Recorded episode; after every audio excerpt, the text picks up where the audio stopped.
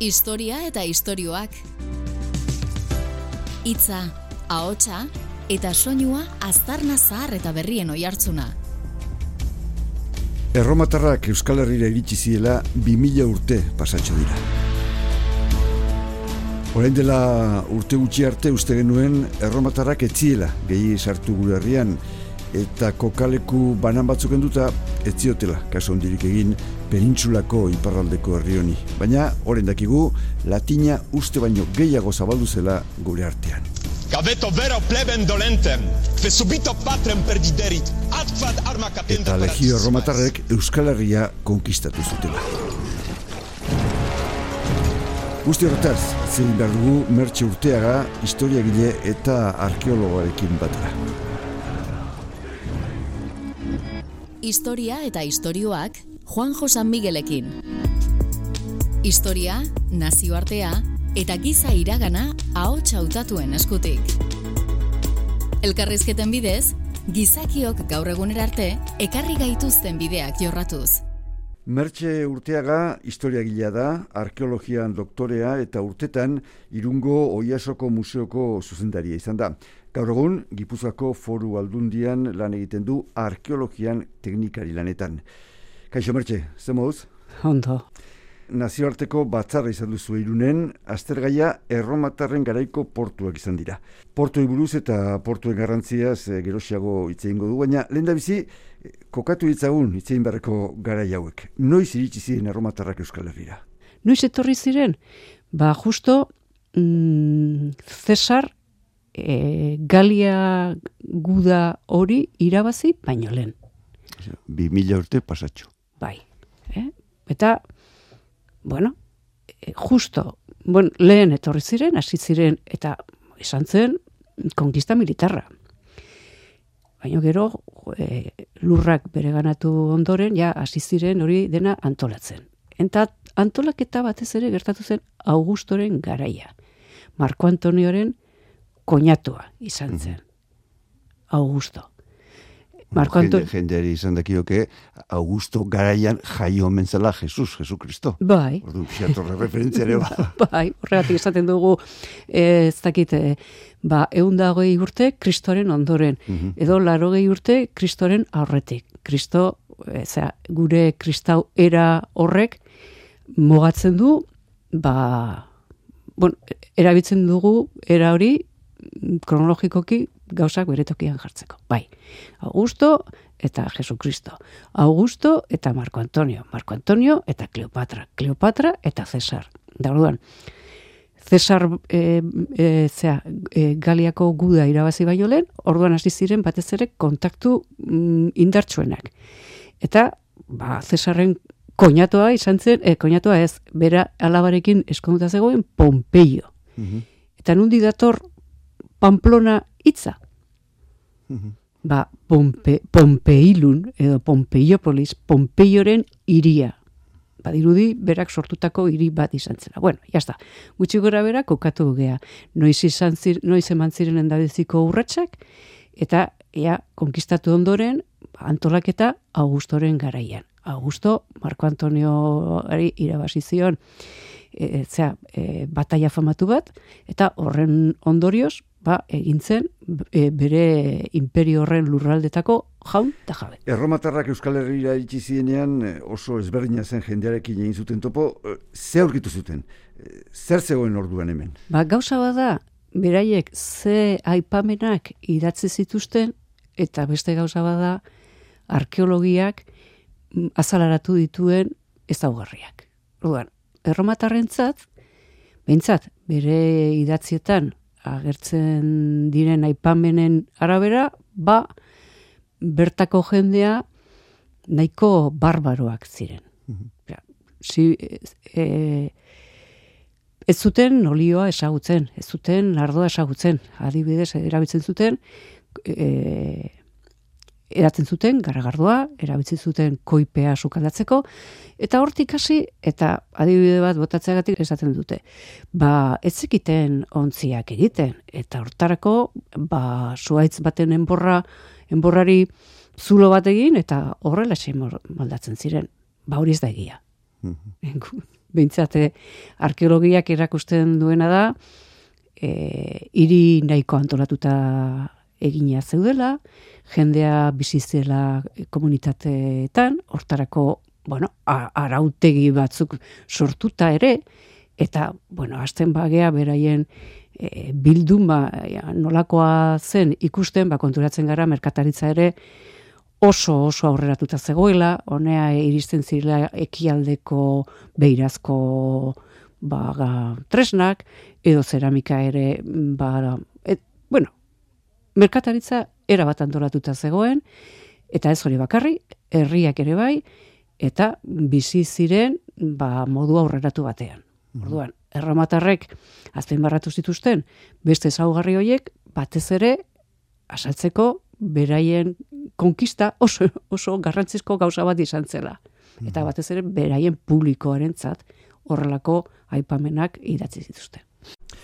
Eta zergatik edo zertala etorri ziren erromatarrak Euskal Herria? Edo galdetu behar zer, zin izan e, daiteke arrasoa honea ez etortzeko, ze e, erroma, erroma hiri txiki bat zen, pixkanaka pixkanaka joan zen haunditzen, ugaltzen, e, urrengo urratxa izan zen e, Italiako peninsula osoa menperatzea, gero joan ziren, bueno, ba, txiripa batzuk ere suertatu ziren, e, pergamo erresuma adibidez, ba, oparitzat jasotzuten, baino Mediterraneo aldeko ekitaldi osoa menperatu zuten, eta baita ere beste aldekoa. Orduan, ba, batzuetan esaten da, beraien ADN horretan bazegoela konkistatzeko grina. Ez dakit zen izan zen arrazoia, baina pizkanaka, pizkanaka, ba, iri txiki ura bihurtu zen imperio handi bat eta Britaniatik e, Libiako basamortura eta begira Kanariasetatik ba Mesopotamiaraino. Mm Orduan hor gaude eta hor gaude eta justo ba, ba peninsulako iskina batean, baina iskina nahiko nahiko estrategikoa peninsula osoa menperatzeko eta galiarekin ere begiraze harreman fisikoak edo geografikoak dituen gure lurralde honek. Orduan bueno, ba, ba, or, suertatu zen, beraiek e, konkistatutako lurren artean, gurea egon zen. Oiaso garrantze hondiko astanateia da. Zer esan genezake kokarleku honi buruz? Zer esan genezake portu eta hiri honi buruz? Igual ere, azaldu behar da, Mediterraneo aldean, ematen den, e, romatar kultura eta Atlantiko aldean ematen dena ez direla berdinak. Eta ez dira berdinak, geografia oso ezberdina delako. Eta orduan, Londres adibidez, adibidez, Londinion garaiartako irian, ba, bizimodua, etzen Atenasekoaren antzekoa, etzen posible, eguraldia, dena, dena baldintzatzen mm. zuen, ba, ba, zera, testo ingurua beste modu bat izateko. izateko. Orduan, lendabiziko gauza kontutan izan behar duguna da, hori, gu Atlantik, Atlantian, Atlantiko aldean gaude. Gu Atlantiarrak gara. Mm. Eta e, izan dugun mm, kultura, naiz eta erromatarra izan, izan du beti kutsu hori. Itxasoarekin lotuta, e, klar, hemen olioa ba, Nafarro aldean emango zen. Garia ere alde ebro aldera. Baina, kokatzen badugu gure begira da justo oiaso eta bere inguruetan, lendabiziko ezaugarria da, esatea Atlantiar mundu batean kokatutako iria eta bere inguruko bizimodua izan zela, eta hortik aurrera ja, posible dugu, pizkanaka pizkanaka zehazten joaten. Orduan, kostaldean, zeuden hirien artean, oiaso zegoen bazegoen besta bat, menoska bazegoen besta bat, morogi, morogi, bueno, morogi ez dakigu hiri baten izena zen, ala leinu baten izena, morogi izan daiteke nominatibo plurala. Bueno, berdin da, kostaldetik itxasoko bide bat oso garrantzitsua zegoen antolatuta, baina barru aldera ere bai. Aralarren adibidez, eh, arritzaka inguruetan, mehatzaritzarekin lotuta, erromatar garaiko astarnak azaldu dira. Urbian ere bai, hartzantzarekin lotuta. Orduan, ustiatzeko zegoen edozein gauzaren inguruan erromatarrek antolatu zuten modu bat hori ustiatzeko. Eta horren ondorioa da guk topatzen ditugun astarna horiek. Orduan, gauza bada oiaso iria kostaldean bide nagusi baten ondoan eta beste gauza bada urbian topatu diren e, aztarnak eta bizimodu. Hor, pixat erreferentzia nagusiak azken urte hauetan izan dira alde batetik oiaso eta bestetik iruña beleia. Ez da gitor ze bere izketa egin daiteken bioin artean, baldin badao? Iruña izenaia, iruña beleia, iruña pamplona, mm irun, etimologia bera, baino irun berri, ilun berri, lumbier, edo iluro, oloron, ilun horrek mm, badirudi esan nahi duela iria, e, dela sinonimoa. Duan, zuk aipatu dituzu, iruña beleia, eta aipatu duzu, oiaso. Oiaso, baskoien iria zen, baino ez ordez beleia. Hori da beste gauza bat. Ze erromatarre, erromatarrak izan ziren gu historian edo bat, izenak eta eta bataio historikoa egin zutena.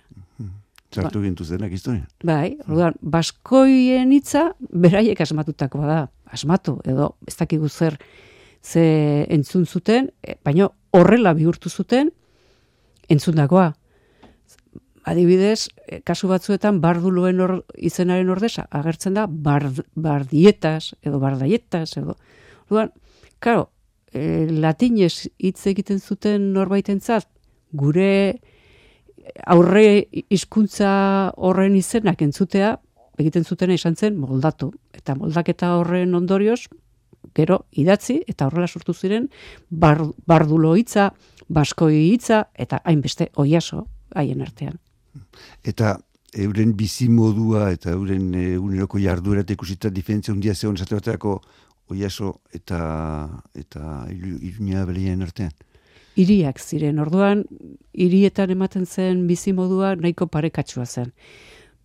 Esaten da, adibide bat botatzeagatik posible zela, ba, kolonian, hor e, gaur egungo Alemanian, Rin ibaiaren ondoko hiri famatu bat, ba, handik e, zure bidai hasi, gero zeharkatu eta, eta Londresera joan, bordelera jetxi, ez dakit Lisboatik pasa, erromara iritsi, handik Atenasera, handik ba, Estambulera, eta beti e, zera, jatetxetan gutxi gora bera menu bera, eta gero bainuetan ere uraren temperatura gutxi gora bera berdina. Orduan, hirietan erromatarren inguruan sortu zen bizimodua oso oso mm, modelizatuta zegoen. Mm, eredu jakin bat Bai, bai, bai, bai. Zuka ipatu zu, bide guzti hori horrek nahi du hor, ba, bide, errepide importantea behar diela, eta inizentzun dizut, e, Euskal Herriaren edo, edo Iasoren edo inguru honen garrantzia erakusten duela beste beste, tarragonatik onaino datorren galtzada garrantzitsu horrek. Bai, bai. Eta orain ja posible dugu lotzea portuen kongresuarekin. Ze, e, Romat, erromatarren eredu nagusia beti izan, e, izan da, izan dela, bide, e, e, irien sare bat, eta hiri sare hori lotuta zegoela errepidez. Eta orain, kongreso hori egin ondoren, eta, bueno, aurretik ere, ba, genekien, baina azpimarratu egin da, eredu hori, eredu horri, ba, pieza bat falta zitzaiola, portuena. Orduan, erromatar garaia edo erromatar eredu nagusia hirien e, sare baten bidez irakur daiteke. Sare hori bai errepidez josita edo beraien artean sare hori horrela egina baina oso importantea ere portuen kasuan. Orduan hiriak errepideak eta portuak. Eta hoiason hori dena ematen da da e, tarrakotik zetorren bidearen bukaera iria zen, hori badakigu, eta portu bat zeukan. Lugan, hor bai betetzen dela, erromatar garaiko eredu hori. Eta eredu hori, batez ere, azpimarratu dugu, kongreso honetan, eun da mar portuak, edo portuen azalpenak eman ondoren. Eta kongresontan, bueno, portu iburutzi duzu, kontu berriren bat azaldu da, lehenko gauzak e, pixkat aztertu dituzue, ze, ze izan da? Ba, kongreso honetan lehen biziko aldiz, ikusi da, edo mai gainean jarri dira, portuen geografia osoa. Mediterraneoa, Atlantikoa, e, ibaietako portuak, lakuetan emandako portuak, eta e, imperio horren geografia osoan. Lenda biziko aldiz. Mm. Eta horregatik izan dira, hainbeste. Eta, erromatik asoi, eta gero joan gea iparraldera, geno baraino, gero jetxigia, zea, Igualdera Afrikako... zea Gibraltar pasabide horretaraino, mm. gero egin dugu Afrikako iparralde osoa, berriro e, itxaso gorria ere ikusi dugu, gero Turkia dera igogea, e, itxaso beltza ere osoa zeharkatu mm. dugu, berriro Peloponesoko kostaldetatik, Irletako portuak ere bai, eta bukatu dugu berriro Italiako kostaldetan. Gero, Atlantiko osoa betik gora, hasi morrokon eta bukatu Londresen, eta gero gelditzen ziren ba, lakuak eta ai, ibaietako portuak azkeneko egunetan, baina hori ere tratatu dugu. Orduan, esan dut, lendabiziko aldiz, hainbeste portuen ezagarriak ikusteko aukera bete egin dugu irunen. Euskal Herria historian erromatarrei esker eh, sartu zen, beraiek kokatu dituzten denboran eta eta mapetan. Lehen zerbait komentatu zu, baina zeiritzi zuten Euskaldun nahietaz oso pobrea, baina hori ez da egia eta hori naitas egindako egindako gauza bada eta batez ere bera bere irakurleentzako e, zera, behar zuten iritsia e, e, irudia osatzeko. Da, mm ze, ze nolakoak diren gure militarrak, e, nolakoak dira gure gudarostoak eta eta begira ze ze jende txirioaren kontra egin dugu eta irabazi dugu eta hemendik aurrera e, hasiko gea ba horren leinu hoien kultura astintzen eta mm. baina irakurketa hori komentatu dizut ez dela gero sustatzen mm. zea arkeologiaren aztarnekin alderantziz. Inoiz esan duzu gure kultura eta hizkuntza neurri batean mintzat erromatarrei esker babestu genuela edo iraunarazi genuela, nola da hori? Beti esan da, gure hizkuntza mantendu egin dela, erromatarren aurka egin genuelako. Nik bai esan detela, erromatarrek ez zutela inoiz egin hizkuntza baten kontra. Eta hor dago froga, Kartaginesak izan ziren erromaren arerio nagusienetako bat. Baina beraien hizkuntza orain bigarren mendean hitz egiten zen eta idazten zen. Iberiarra ere bai. Grekoa zer esan. Erromatarrek ez zuten euskeraren edo euskera aurreko hizkuntzaren kontra egin.